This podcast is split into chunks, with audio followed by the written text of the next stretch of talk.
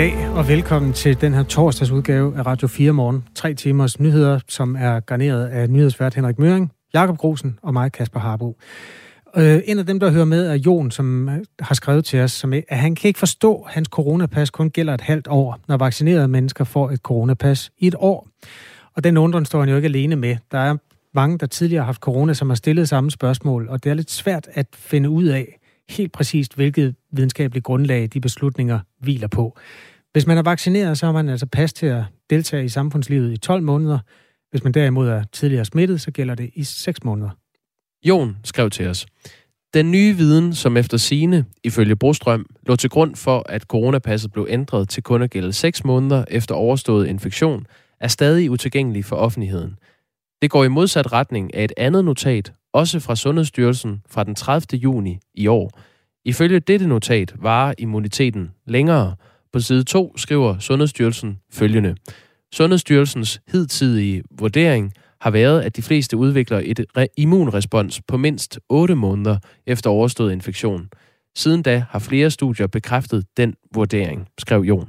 Karen Angeliki Krogfeldt er professor i medicinsk mikrobiologi ved Roskilde Universitet og forsker i infektioner. Godmorgen. Ja, godmorgen. Hvor længe er man immun, hvis man har haft corona?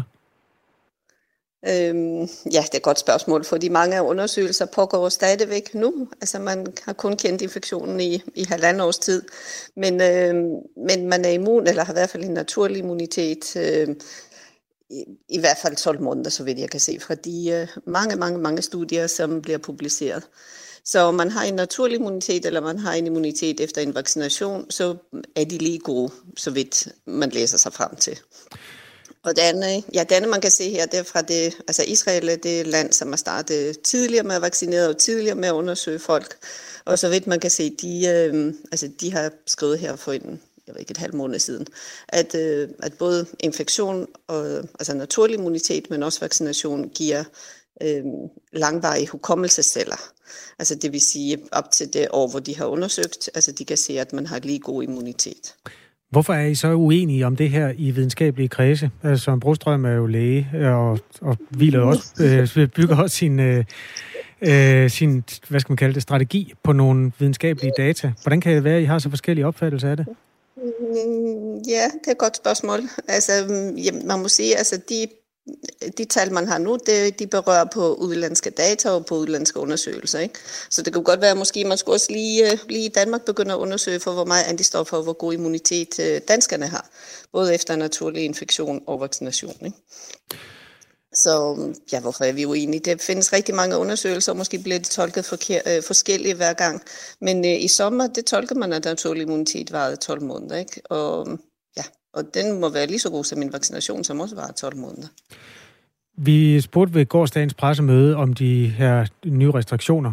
Du, det tror jeg, de fleste var opdaget, at der var sådan et pressemøde. Øh, der spurgte vi ja. Søren Brostrøm, direktør i Sundhedsstyrelsen, om hvorfor der er forskel på varigheden af det coronapas, man får som henholdsvis vaccineret og tidligere smittet. Lad os lige høre, hvad han sagde. Der er flere studier og data, som viser, at det ser ud som om, at øh, immuniteten efter naturlig infektion øh, ikke er lige så Øh, beskyttende som vacciner, måske ikke lige så langvarige. Altså det er sådan noget med risikoen for at blive alvorligt syg og sådan noget. Ikke? Samtidig så er der måske også forskel på vaccinerne.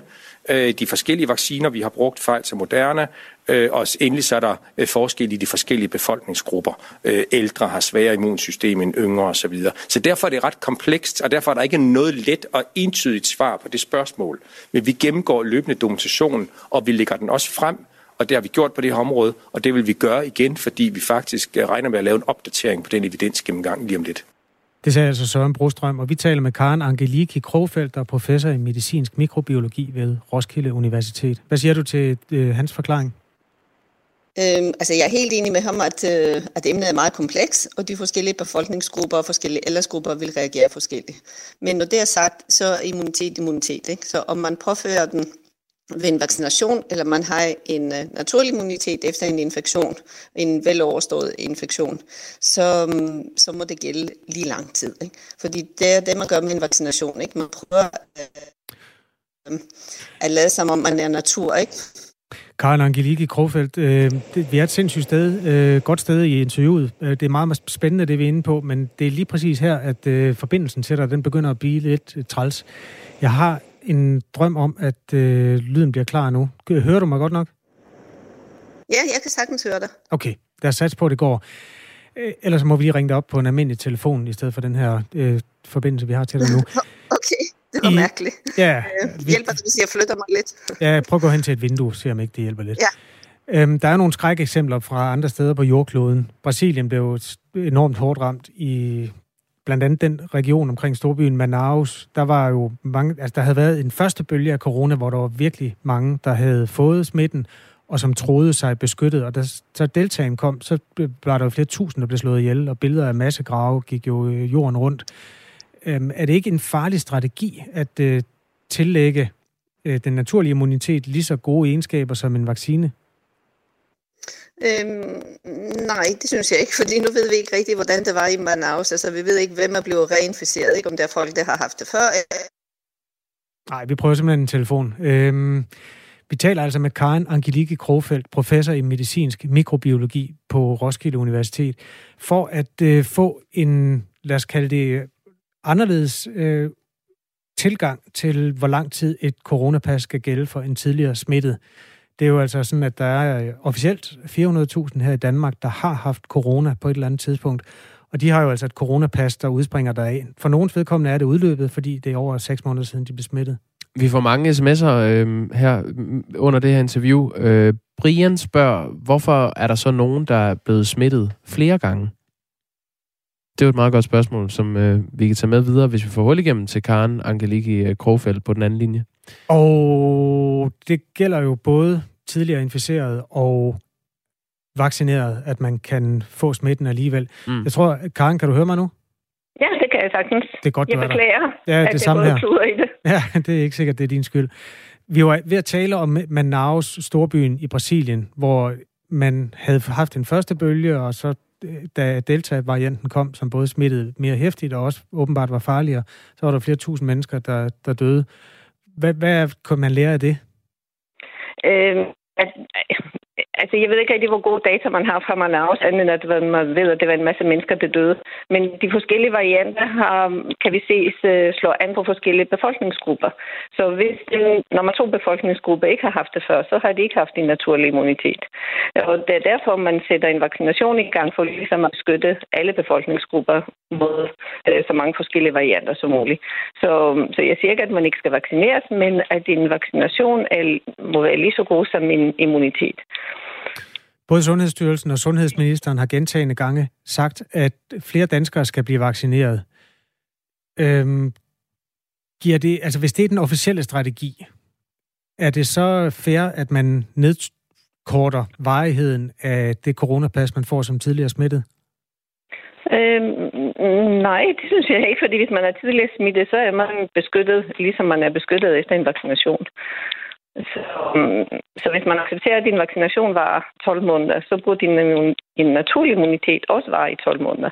Og hvis man er i tvivl, om man har antistoffer, eller man har hukommelseceller, eller forskellige andre celler som immunsystem, så bør man teste folk. Fordi det findes metoder, hvor man kan teste og se, om man er immun eller ej. Brian spørger på sms'en, øh, Karen Angeliki Krogfeldt, øh, men hvorfor er der så nogen, der er blevet smittet flere gange? Vil du ikke lige svare kort på det? Øhm, altså, så det gælder alle infektioner. Alle kan blive smittet mere end én gang. Spørgsmålet er, hvor godt ens immunsystem og ens krop reagerer, så man ikke bliver så syg, så man ikke bliver dødelig syg. Man ved også fra andre vacciner, at man kan godt få sygdom igen, man vil bare få det i en meget mildere grad. Så det er overhovedet ikke mærkeligt, at man bliver smittet igen. Lige til det er der en anden lytter, der spørger, øh, der må der efterhånden være nogen, der ved, hvorfor øh, nogen ikke får symptomer, og andre får et alvorligt angreb af corona? Er det blodtype? Er det gener? Er det vores kost? Ved man det, kan man jo nøjes med at vaccinere dem, som får et alvorligt forløb. Hvad siger du til ja. det? Altså, det var, det var, hvad skal man sige, 100.000 kroner spørgsmål. Øhm, øh, altså, det gælder alle infektioner. Vi er alle sammen forskellige, og vi reagerer på forskellige måder, og vi har bedre eller værre immunsystem. Og, og det er sikkert, øh, altså det er noget, der ligger i vores gener. Det er noget, der ligger i tidligere eksposition. Altså, man har set øh, virus eller bakterier sammen, og man er vaccineret i, hvordan man er opvokset. Altså, det var det, som Brostormor sagde, at øh, systemet er meget kompleks, men man gør det så godt, man kan efter den viden, man har. Men gælder det både dem, der får vaccinen, og dem, der har den tidligere infektion, at øh, immunsystemet i virkeligheden afgår, hvor godt det virker? Eller kan man på det felt så sige, at vaccinen virker bedre? Øh, øh, nej, det kan man ikke. Altså, det er helt afhængigt, hvordan modtageren er. Altså, det, det er ikke kun... Altså, det er et samspil mellem øh, menneskerne og den vaccine, man påfører. Og det gælder, det gælder alle infektioner. Det er ikke kun meget specielt kun for den her infektion. Altså, man ved også, at nogle bliver på ofte forkølelser, og nogle får ikke så tit forkølelser, og nogle, når de får lungebetændelse, så ender det med øh, hjernehindebetændelse, og nogle klarer bare en lungebetændelse og kommer sig. Karen Angeliki Krofeldt, du skal have tak, fordi du ville være med. Ja, det var så Selv tak. Hej igen. Professor i medicinsk mikrobiologi på Roskilde Universitet og forsker altså i infektioner. Og bidrog øh, med en videnskabelig tilgang til det her med, hvor længe de varer, eller hvor længe man er beskyttet som henholdsvis tidligere smittet og vaccineret mod covid-19. Min oplevelse er, at tiden flyver afsted, og klokken er nu blevet 16 minutter over syv. Du kan skrive ind til os på 14 24. Start beskeden med R4 et mellemrum. Ved kommunalvalget i forrige uge var en af de helt store historier, at Socialdemokratiet mistede stemmer i byerne. Og det er ikke kun Enhedslisten og Radikale Venstre og SF, der har overtaget Socialdemokratiets øh, stemmer. Nu viser en analyse fra Aarhus Universitet nemlig, at Rød Blok samlet set har mistet 5 procentpoint af vælgerne til Blå Blok i de tættest befolkede områder. Altså på landsplan er tabet på bare 2 procentpoint til sammenligning. Det fortæller Martin Vines, der er kommunalvalgsforsker ved Aarhus Universitet, til vores politiske magasin Mandat det er en, øh, det er en meget øh, mærkværdig øh, tendens, og det er også lidt andet billede, at vi, vi har set før, hvor at, at den her svingvælger, der går mellem rød og blå blok, ved de sidste par valg, så har den været meget på, på landet, altså i, øh, i, ude i, i, i provinsen, som man ser, hvis man er fra København, altså i, for eksempel i, i, i Syddanmark, i Sønderjylland. Øh, men nu den det sig ud, som om den her svingvælger, den er rykket ind til, øh, til, til byen, og det er jo øh, enormt interessant, fordi det er den her svingvælger, som øh, politikerne tit prøver at øh, påvirke med deres, øh, deres politik, den politik, de fører ind på Christiansborg. Godmorgen, Thomas Larsen. Ja, godmorgen. Godmorgen. Politisk redaktør her på kanalen. Det er mærkværdigt, siger Martin Wienes fra Aarhus Universitet altså. Øh, hvad betyder det her for Socialdemokratiet? Ja, det betyder jo, at Socialdemokratiet kommer under pres. Øh, det vi måske nok troede på valgnatten, da vi fulgte resultaterne til ind øh, fra, fra valgstederne i hele landet øh, forleden, det var jo, at de røde partier i høj grad ligesom var, var i stand til at absorbere de socialdemokratiske stemmer og vælgere, der søgte andre steder hen. Og nu viser det sig rent faktisk, at flere af de her vælgere, de er søgt over mod de blå partier, og at byerne er blevet farvet mere blåt. Og det er selvfølgelig noget, der, kan, der potentielt kan være rigtig øh, problematisk for Socialdemokratiet, især når vi ser frem mod næste folketingsvalg, øh, fordi det var jo helt tydeligt ved øh, kommunalvalget, at Socialdemokratiet stod tilbage med en overraskende stor øretæve, og det er klart, altså dem kan de ikke og klare for mange af, og derfor så tror jeg også, at det her det er noget, som Socialdemokratiets top med Mette Frederiksen i spidsen kommer til at studere meget, meget nøje. Et er jo kommunalvalg, og noget andet er folketingsvalg. Øhm, vil du ikke lige forklare, hvorfor det er et problem, hvis svingvælgerne har været mere blå ved det her kommunalvalg? De kan jo godt nå at svinge tilbage, eller være stadig ved rød blok, øh, når der er folketingsvalg næste gang. Det er selvfølgelig en god point, du kommer med det, at de er bevægelige, og de kan gå flere steder hen. Men hvis den her strømning eller trend bider sig fast, og vi faktisk ser, at øh, byvælgere i større omfang, eller vælgere, der bor i urbane områder, som man kalder det, altså de, de begynder at, at flytte sig væk og at flygte fra Socialdemokratiet, så er det faktisk noget, der øh, kan få den konsekvens, at det bliver meget svært for Mette Frederiksen at fastholde øh, regeringsmagten.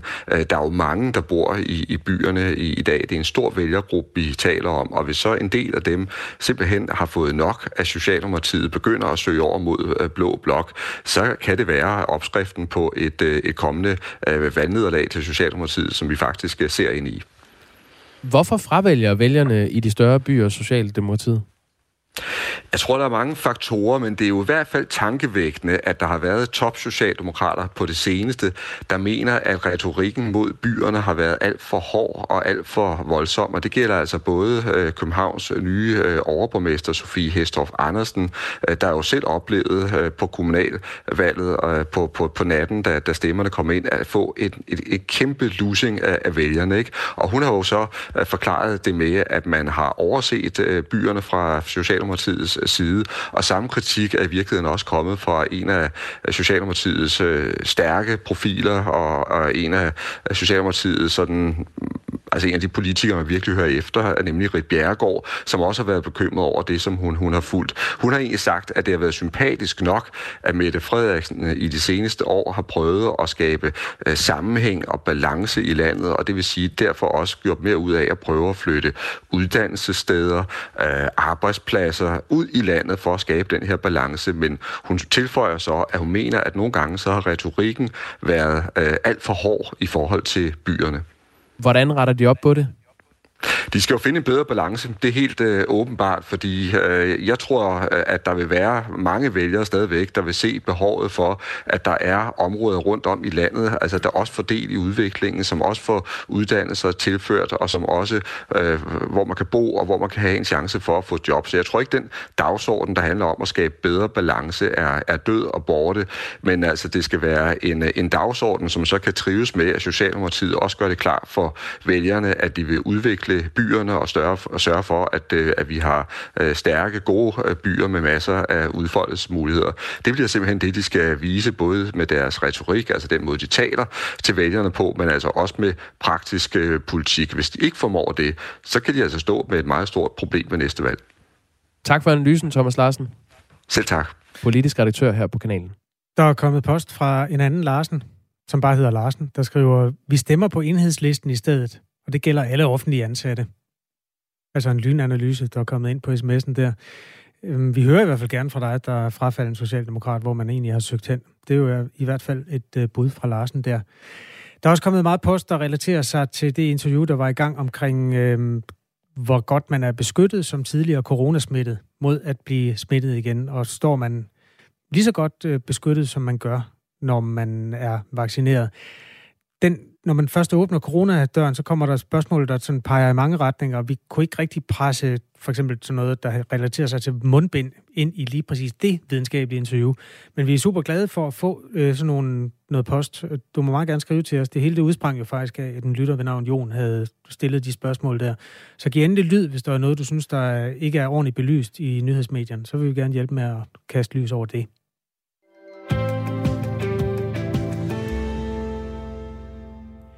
I forbindelse med fodbold-VM i Katar, som finder sted øh, til december næste år, har flere journalister, og det er både danske og internationale, forsøgt at afdække de forhold, som øh, migrantarbejderne lever under i Katar.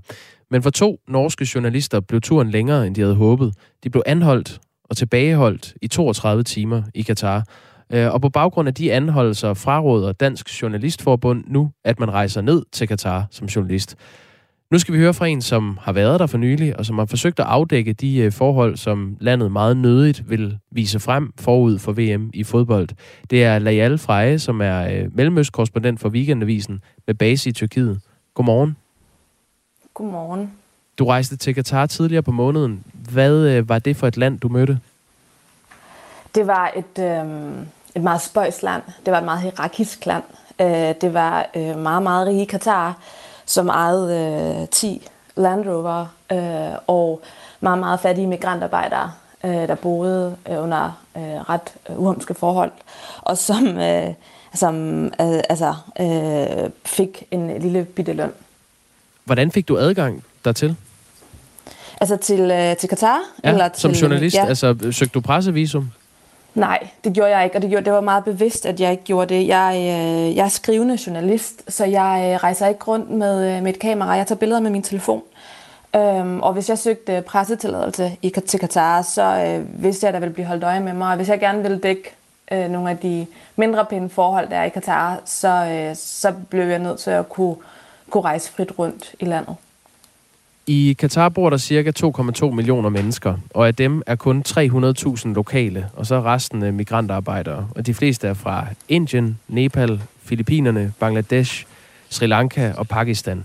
Øh, en rapport fra Amnesty International har anslået, at over 15.000 udenlandske arbejdere er døde i Katar siden øh, år 2010. I Katar fik du så lov, øh, Lajal Freja, til at, at tale med en af de her migrantarbejdere. Hvad, hvad fortalte han dig?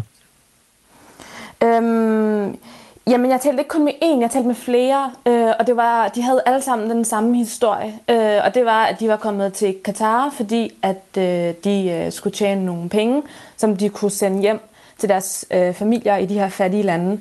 Og så kan det godt være, at øh, det, det papiret er, er en, er en lille løn, de får, især i forhold til øh, Katar, øh, eller til øh, altså højt uddannede udlændinge, som læger og ingeniører, der også bor i landet. Øh, øh, så var det stadig mange penge hjemme i Indien, eller i Bangladesh, eller i Nepal. Så de, var, de, øh, de, ville, ikke, de ville ikke klage. Øhm, og de ville ikke klage over den måde, de boede på, fordi nogle af dem havde oplevet værre øh, hjemme, altså i deres, i deres hjemlande. Øh, men der var heller ikke nogen, der ville stå frem med, øh, med navn.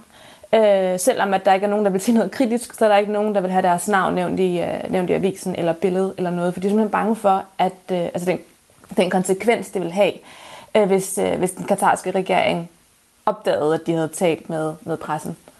En del af den her diskussion om, hvorvidt øh, danske journalister bliver øh, øh, anbefalet at rejse til Katar for at, øh, at dække forholdene der, den står på skuldrene af det, de to norske journalister oplevede, da de tog til Katar og blev anholdt og, og tilbageholdt. Var der noget i luften, hvor du på et tidspunkt øh, frygtede, at du skulle blive anholdt for det, du havde gang i?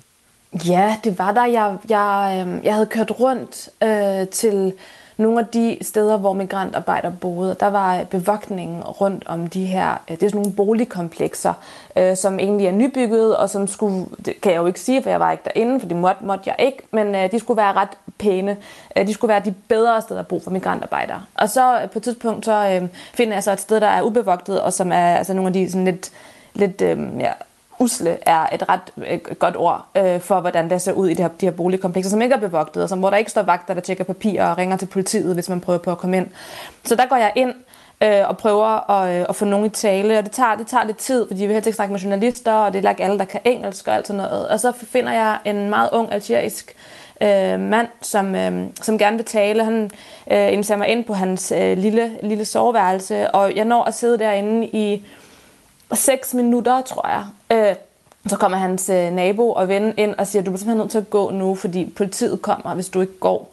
Øh, og hvis politiet kommer, så går det altså ikke kun ud over mig, det går også ud over dem. Øh, så det var, øh, så der bliver jeg nødt til at gå. Tror du, du kommer til at rejse tilbage til Katar for at dække forholdene? Øh, nu har jeg jo været der, og nu har jeg jo dækket, hvordan, hvordan det ser ud. Øh, mm. Bliver det nødvendigt, så, øh, så vil jeg da prøve. Men jeg kunne forestille mig, at det er sværere at, gå, altså at komme der ind uden pressetilladelse anden gang, end det er første gang. For det er første gang, jeg var i Katar, så der kunne jeg jo, der kunne jeg jo bare købe en billet og rejse ind. Øh, men nu, øh, nu har jeg skrevet en, en kritisk artikel, øh, som der nok er nogen steder, der, der har læst. Så spørgsmålet er, om jeg overhovedet bliver lukket ind. Tak fordi du var med her i Radio 4 morgen. Det var så lidt. Layal Freje, som altså er øh, mellemøstkorrespondent for Weekendavisen og med base i Tyrkiet, men har besøgt Katar. Øh, til den her historie vil jeg lige citere Allan Bøje Tulstrup, som er næstformand i Dansk øh, Journalistforbund. Han har sagt til Fagbladet Journalisten, det nytter ikke noget, at man fra Katars side først lover pressen, at man kan arbejde uhindret, og at de så anholder journalister. Det her, det er, undskyld, helt rørstrømsk ja, den, den gik lige uh, rent ind hos dig. Det er Radio 4 morgen, ja. Klokken er uh, snart 29 minutter over syv, og du kan skrive ind til os på 1424. Start beskeden med R4. Vi har fået en besked fra Alexander. Bare lige en detalje og et opklarende spørgsmål. Hvorfor taler man altid om procentpoint, og ikke blot procent ved antal stemmer, og som hermed Socialdemokratiet? Øh, Hvad er forskellen? Forskellen er, at når man opgør det politiske landskab, så er der altid nogle søjler, der udgør det, de vælgere, de har i forvejen, eller de mandater, de har i forvejen. Hvis nu Socialdemokratiet har 25 procent af stemmerne, eller det var basis efter sidste valg, og man så taler om, at de går 25 procent tilbage, så skal man til at regne ud, hvad er 25 procent af 25 procent? Det er så 6,25 procent af de samtlige stemmer, og det bliver noget råd. Derfor er det nemmere at bruge udtrykket procent point. Det vil sige, sådan groft sagt, Socialdemokraterne havde 25 point i forvejen. I København mistede de 8 point og gik ned og lå nu på 17 point, eller procent point. Så det er forskellen på de to ting. Altså hvis man skal tale om en procentvis tilbagegang af procent, så er det så ugennemskueligt. Derfor bruger man de der point-betegnelser. Perfekt. Fik jeg det forklaret? Ja, det synes jeg. Kasper Harbo er øh, matematisk student og journalist. Øh, jeg er jeg bare faktisk aldrig journalist. færdig med, men det er... Nå, nej, det behøver du ikke sige. Okay, Øh. ja, det er godt. Det er godt med dig, du. Klokken er halv otte, vi skal have nyheder.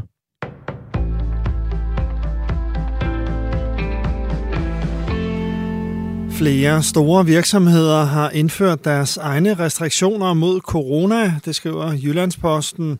For eksempel opfordrer biotekselskabet Bavarian Nordic kraftigt sine medarbejdere til at arbejde hjemmefra.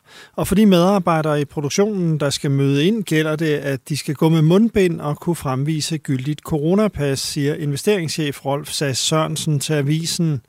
Vindmølleproducenten Vestas har indført coronapas på firmaets danske arbejdspladser. Medarbejdere, der ikke har lyst til at vise coronapas, skal gå med mundbind. Også slagterivirksomheden Danish Crown har planer om at indføre krav om coronapas og påpeger, at selskabet har 1800 medarbejdere i Horsens alene. Man bliver også nødt til at tage et ansvar for kollegaerne, siger direktør Jais Valør til Jyllandsposten. Flere patienter er blevet smittet med corona, mens de har været i behandling på sygehuset for andre lidelser. Også medarbejdere bliver i store tal smittet. På en uge har der været 19 udbrud på hospitalerne. Det skriver Berlinske på baggrund af oplysninger fra blandt andre Statens Serum Institut. Direktør i Danske Patienter Morten Frejl siger til avisen, at sundhedsmyndighederne skal have skærpet deres fokus på tiltag, så smitten ikke kommer ind på hospitalerne. I det største af udbrudene har 50 medarbejdere og patienter i november fået konstateret coronavirus. Udbruddet fandt sted på hjerteafdelingen på Odense Universitetshospital, der også har afsnit på sygehuset i Svendborg. Det har medført, at hjerteafdelingen i Svendborg har været lukket for nye patienter i en uge. Fra på mandag er der formentlig igen krav om mundbind, blandt andet i offentlig transport og i detailhandlen. Det ventes at blive vedtaget i dag af et flertal i epidemiudvalget i Folketinget. Men de butiksansatte beder om en undtagelse. Kravet bør i stedet kun gælde kunderne. Sådan lyder det fra HK Handel, der er fagforening for butiksmedarbejdere. Det er meget indgribende at skulle have mundbind på en hel dag, siger formand for HK Handel, Mette Hø. Coop med 38.000 ansatte afventer Folketingets beslutning, siger kommunikationschef Lars Aarup. Set fra medarbejdernes perspektiv i butik, så er det selvfølgelig hårdt at skulle gå med mundbind igen. Man går meget, man løfter meget, man går rundt og sætter varer på hylderne. Og det er anstrengende at have mundbind på. Øh, Men vi har gjort det før, og vi gør det igen, hvis det bliver vedtaget. Børn og unge skal beskyttes bedre mod seksuelle overgreb begået af voksne, der har ansvaret for dem. Det mener Red Barnet efter en ekstern advokatundersøgelse af DR's pigekoret er blevet offentliggjort. Her konstaterede advokaterne, at mindst 64 tidligere pigekorsangere er blevet udsat for seksuelle krænkelser, herunder seksuel chikane af i alt seks voksne omkring koret, det skriver politikken. Undersøgelsen viser, at man bør sætte en streg under, at man som underviser eller betroet voksen ikke bør have nogen form for seksuel relation til et barn eller en ung, man har ansvaret for, siger Janne Tunnel, stedfortrædende generalsekretær i Red Barnet til avisen. Organisationen mener, at straffeloven skal ændres, så den kriminaliserer seksuelle krænkelser af børn og unge, så den også dækker børn op til 18 år bedre, end hvad der er tilfældet i dag. Og et kig på vejret. Først skyde og lidt regn, men det klarer op i løbet af dagen 4-9 grader og lidt til frisk vind omkring vest. I aften og i nat kommer der byer flere steder. Temperaturerne falder til ned mellem frysepunktet og 4 graders varme.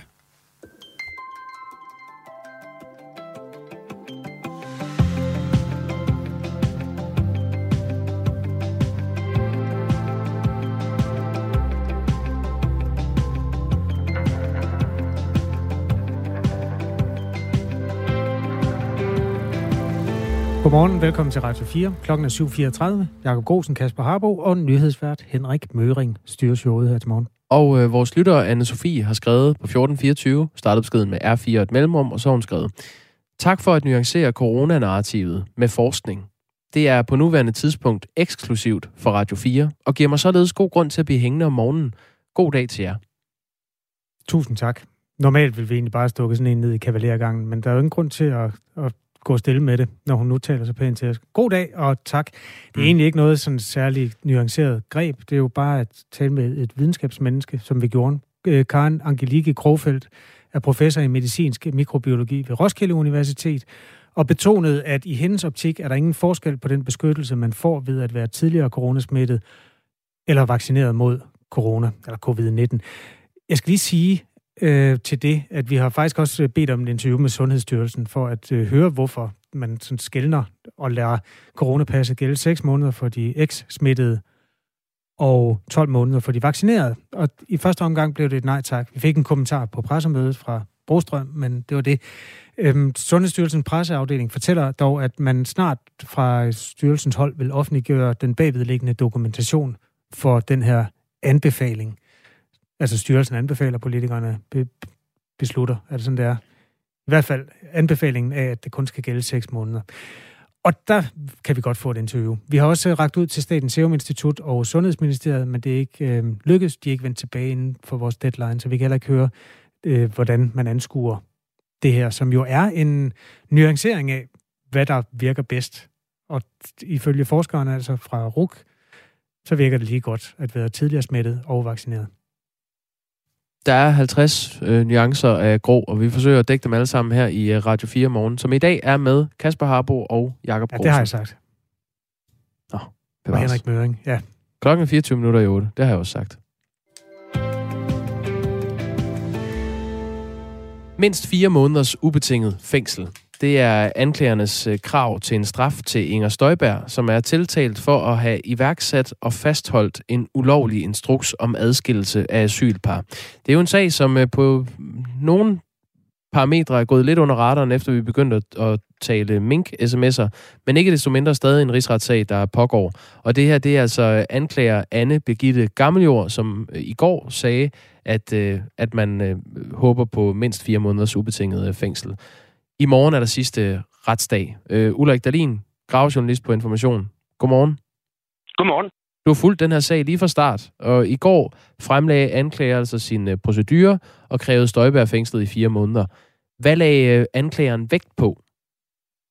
Altså anklageren, øh, må jeg starte med at sige, virkede meget stringente og meget klare og meget kontante. Og det siger jeg, fordi der undervejs i forløbet har været noget snak både blandt nogle jurister, ved jeg, men også i pressekorpset om, at anklagerne virkede sådan lidt, lidt utrænede. Men de kom altså stærkt tilbage i går. Det, de lagde vægt på, var, at øh, hvis ikke man kan straffe Inger Støjberg for det, hun har gjort, så kan man efterhånden ikke straffe en minister for noget som helst. Så holder de op med at være forvaltningschefer, og så bliver de udelukkende politikere.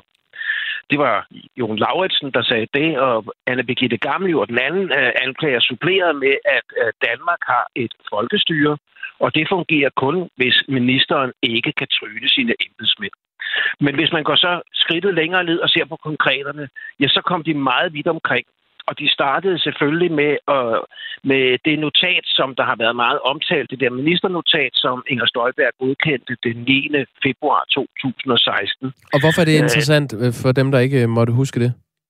Ja, øh, det er så et lidt større dukketeater, jeg skal stille op. Men hele sagen handler jo om, hvorvidt at der blev udstedt en uh, instruks til Udlændingestyrelsen om, at de skulle adskille samtlige unge asylpar, hvoraf den ene var under 18 år. Mm. En, en instruks, som var uden undtagelsesmuligheder, var ulovlig, ville være ulovlig. Og det var sådan en, der efter anklagernes mening blev udsendt til Udlændingestyrelsen, nemlig i form af den pressemeddelelse, som ministeren udsendte den 10. februar om eftermiddagen i 2016, hvor hun enhændigt selv havde fjernet øh, en, et par sætninger, som åbnede op for, at der kunne være undtagelser.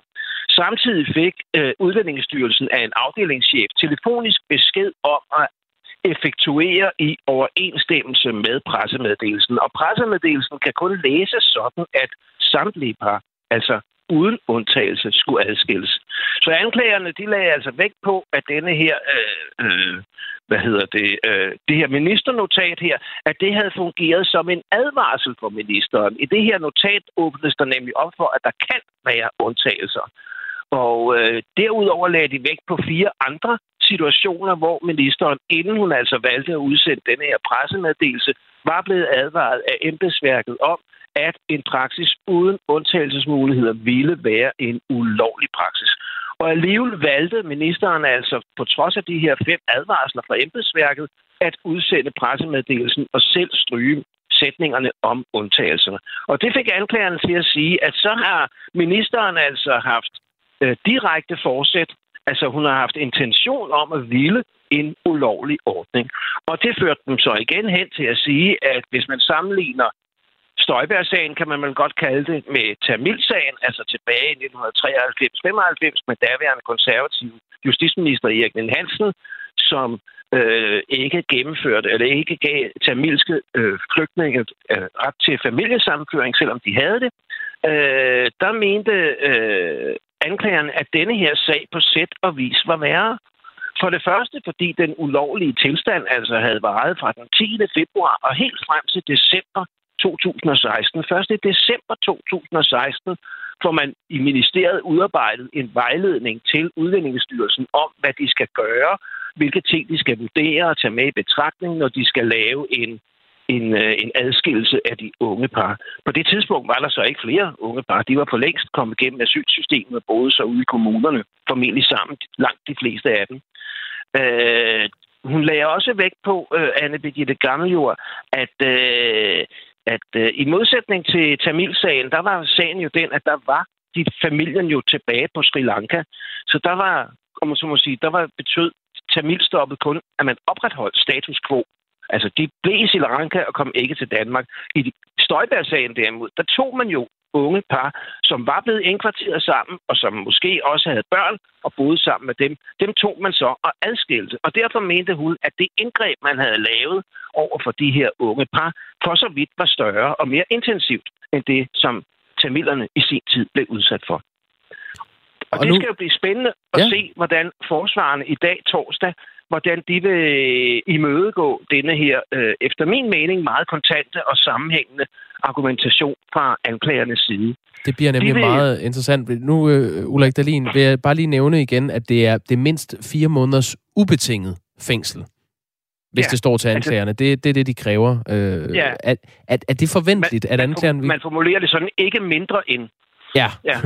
øh, er, er det forventeligt, at anklageren kræver en dom på det niveau? Øh, jeg vil sige, jeg blev lidt overrasket. Altså, jeg havde nok indtil da haft en opfattelse af, at man ville øh, omkring den der diskussion om forsæt, at man ville øh, argumentere mere i forhold til, at det måske var groft uaksomhed fra ministerens side.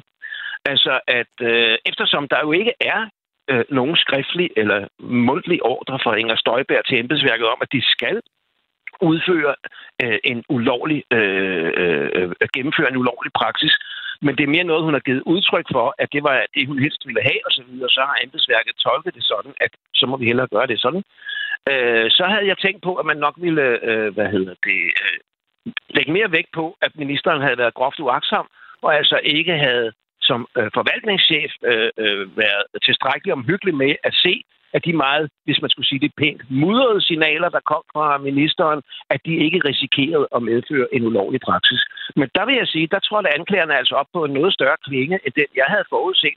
Og så sagde de, der er direkte forsæt. Og hvis ikke der er direkte forsæt, ja, så er der, der er tre grader af forsæt, og så er der den her grov uaksomhed.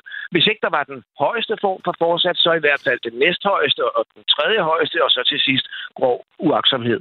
Og øh, det bliver jo spændende at se, altså for det første, hvordan at forsvarerne stiller sig til det. De må jo nødvendigvis procedere for, at øh, ministeren skal frikendes, og lad os høre, hvad, hvad det bliver. Der kan jeg jo, hvis I vil, komme igen i morgen og fortælle det. Det og så bliver gerne. det endnu mere interessant, interessant tilbage, eller når vi kommer til midten af december, eller hvornår øh, rigsrettens 26 dommer nu kommer med en afgørelse, hvordan de lægger sporet.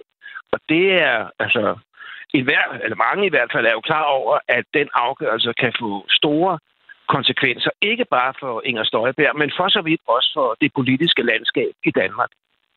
Det forventes, der øh, falder dom i den her sag inden jul, og øh, enhver ja. med ører, øh, som hører det her program, kan høre, Ulrik Dahlin, at du er godt inde i stoffet. Du har været ombord i det i de sidste fem år. Øh, nu er det så i dag, forsvaren skal fremføre sine procedurer, og det er jo, nu du har været lidt inde på det, men hvis vi nu skal prøve at tale om, hvad, hvad du forventer, at, at øh, der bliver lagt vægt på der, hvad tror du så vil være argumentet?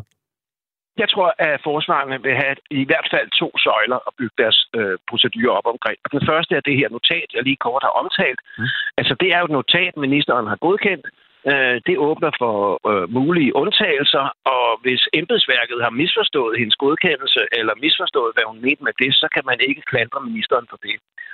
Øh, det vil være den ene ting, og jeg tror, den anden ting vil være, at de vil henholde sig til, at øh, da ministeren strøg øh, de her, øh, det her i, øh, sætninger i pressemeddelelsen op, som åbnede for undtagelser, altså sådan, at den blev kategorisk og undtagelsesfri, at så var det, øh, det var noget, hun gjorde, om man så må sige, i forståelse med den daværende departementchef Uffe Tordal Pedersen. Han har forklaret, at, øh, at han til sidst gik med på, at ministeren strøg sætningen, fordi, som han sagde, han kunne, han, maskinen skulle jo køre videre.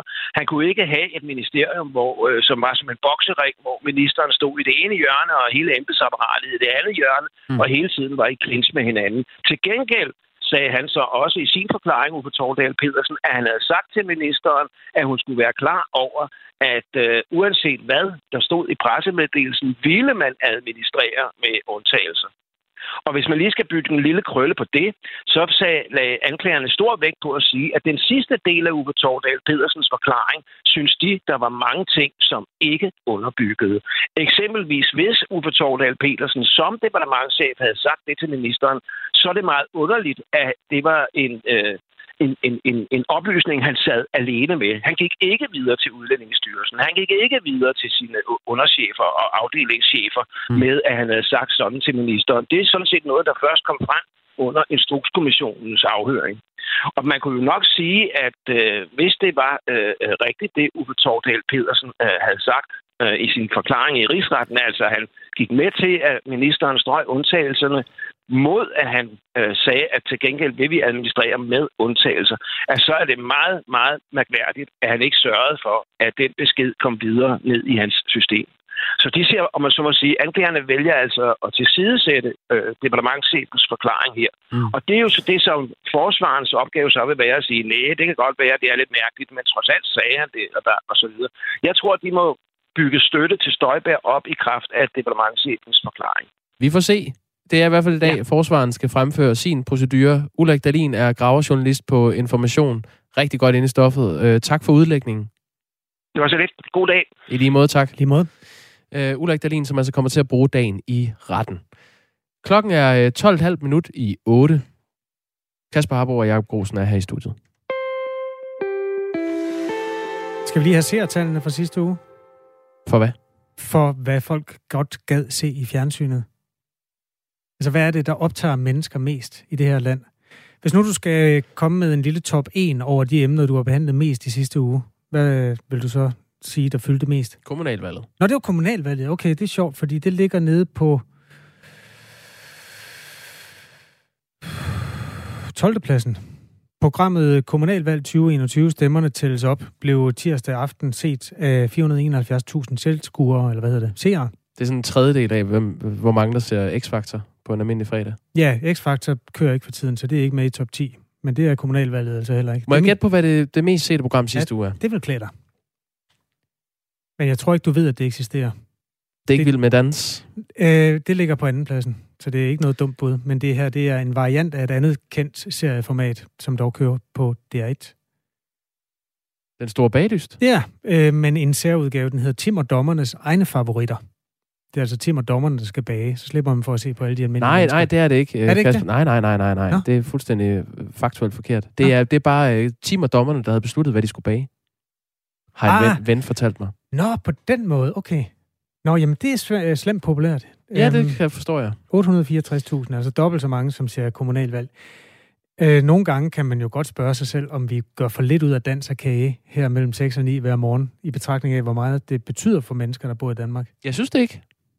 Nej, det gør du selvfølgelig ikke. Dans er også dårligt i radioen, øh, og det er baning for den sags skyld også. Men vi kan da godt en gang imellem lige bruge fem minutter på at tale om dans og kage. Der er altid nogen, der græder i den store bagdyst. Ja. Og det, øh, det går lige i følelserne, når nogen græder. Det gør de vel også i dans, gør de ikke det? Er det, nogen, det er sikkert jo. Jeg har aldrig set det. Nej, Men øhm, jeg vil godt introducere det, det faste daglige element, dans og kage. Vi bruger øh, få minutter på det hver dag. Det, det skylder vi simpelthen de mennesker, der betaler for den her radio. Det er jeg spændt på. Det må stå for øh, din regning. Så, så jeg ser, hvad du skal op med i morgen. Tak. Det tjekker vi ind. Godt. Øh, 10 minutter i 8 blev klokken så. Nu skal vi lige til det igen. Regeringen har varslet øh, nye coronarestriktioner, blandt andet det gode gamle mundbind. Epidemikommissionen har indstillet, at vi genindfører mundbind på en række områder i Danmark. I kollektiv trafik, busser, tog, letbane, metro, taxaer, færger og indrigsfly. I detailhandlen, udvalgsvarebutikker, dagligvarebutikker, indkøbscentre, stormagasiner – bazarer, arkader og øh, også i angrohandlen. Ja, men udsigten til krav om mundbind i detailhandlen får butiks, butiksansatte til at bede om en undtagelse. Øh, fra butikkernes side mener man, at kravet om mundbind kun bør gælde kunderne. Mette Høgh er formand for HK Handel. Forklar lige helt præcist, hvad det er, øh, der er grunden til, at de ansatte ikke skal øh, dække munden til. Jamen, det synes vi ikke, eller det bryder vi os ikke om, fordi at øh, det er en ubehagelighed at have mundbind på på en arbejdsdag, hvor man er meget fysisk. Øh, så vi hører fra vores medlemmer, at det faktisk øh, er det, ja, det giver et dårligt arbejdsmiljø at have det her mundbind på en hel dag. Jeg tror, alle kan forstå, at det er ubehageligt, men vi lever jo ikke i en tid, hvor man gør det for sjov. Det er jo en, en hvad skal man sige, det er for at hæmme smittespredningen. Hvor, synes du ikke, at, at det er vigtigere, end om de ansatte har det godt på arbejde hver dag? Vi vil rigtig gerne tage et ansvar, og øh, derfor mener vi, at øh, det arbejdsgiverne får mulighed for inden for ganske få dage, det er at bede om et coronapas. Og øh, det mener jeg, at øh, arbejdsgiver skal gøre over for de butiksansatte.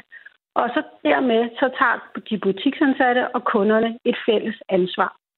Men det er der jo allerede nu de fleste... Øh, altså, ja, det er jo ikke fordi, at jeg at, øh, siger, at det ikke er et rimeligt ønske at have, at man ikke skal gå med mundbind, men det har jo bare vist sig, at øh, smitten spredes flittigt i vores samfund, øh, trods coronapasset. Jamen, det er, jeg helt, det er jeg helt enig i. Men nu er det bare sådan, at det er jo ikke os som medarbejdere, der kommer rundt fra butik til butik.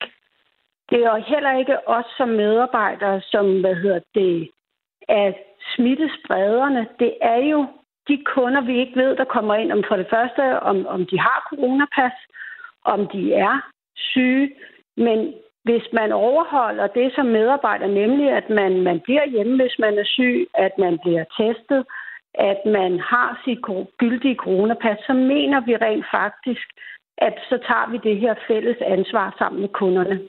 Men der er jo ingen, der ved, hvem det er, der starter smitten.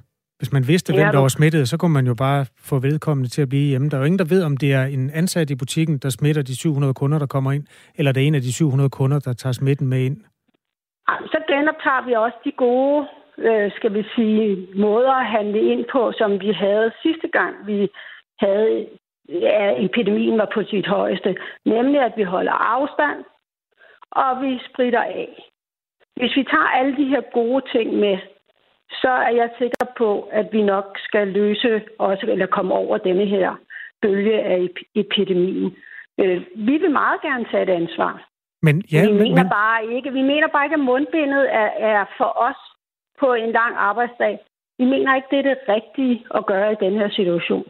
Og så er der jo bare lige det, at, at jeg ved godt, at rigtig mange andre faggrupper bruger mundbindet øh, på en arbejdsdag, men det er altså sundhedsfagligt personale. Og jeg tænker ikke, at der er nogen, der overhovedet har sammenlignet os tidligere med det sundhedsfaglige personale. Vi kommer for det første ikke lige så tæt på kunderne.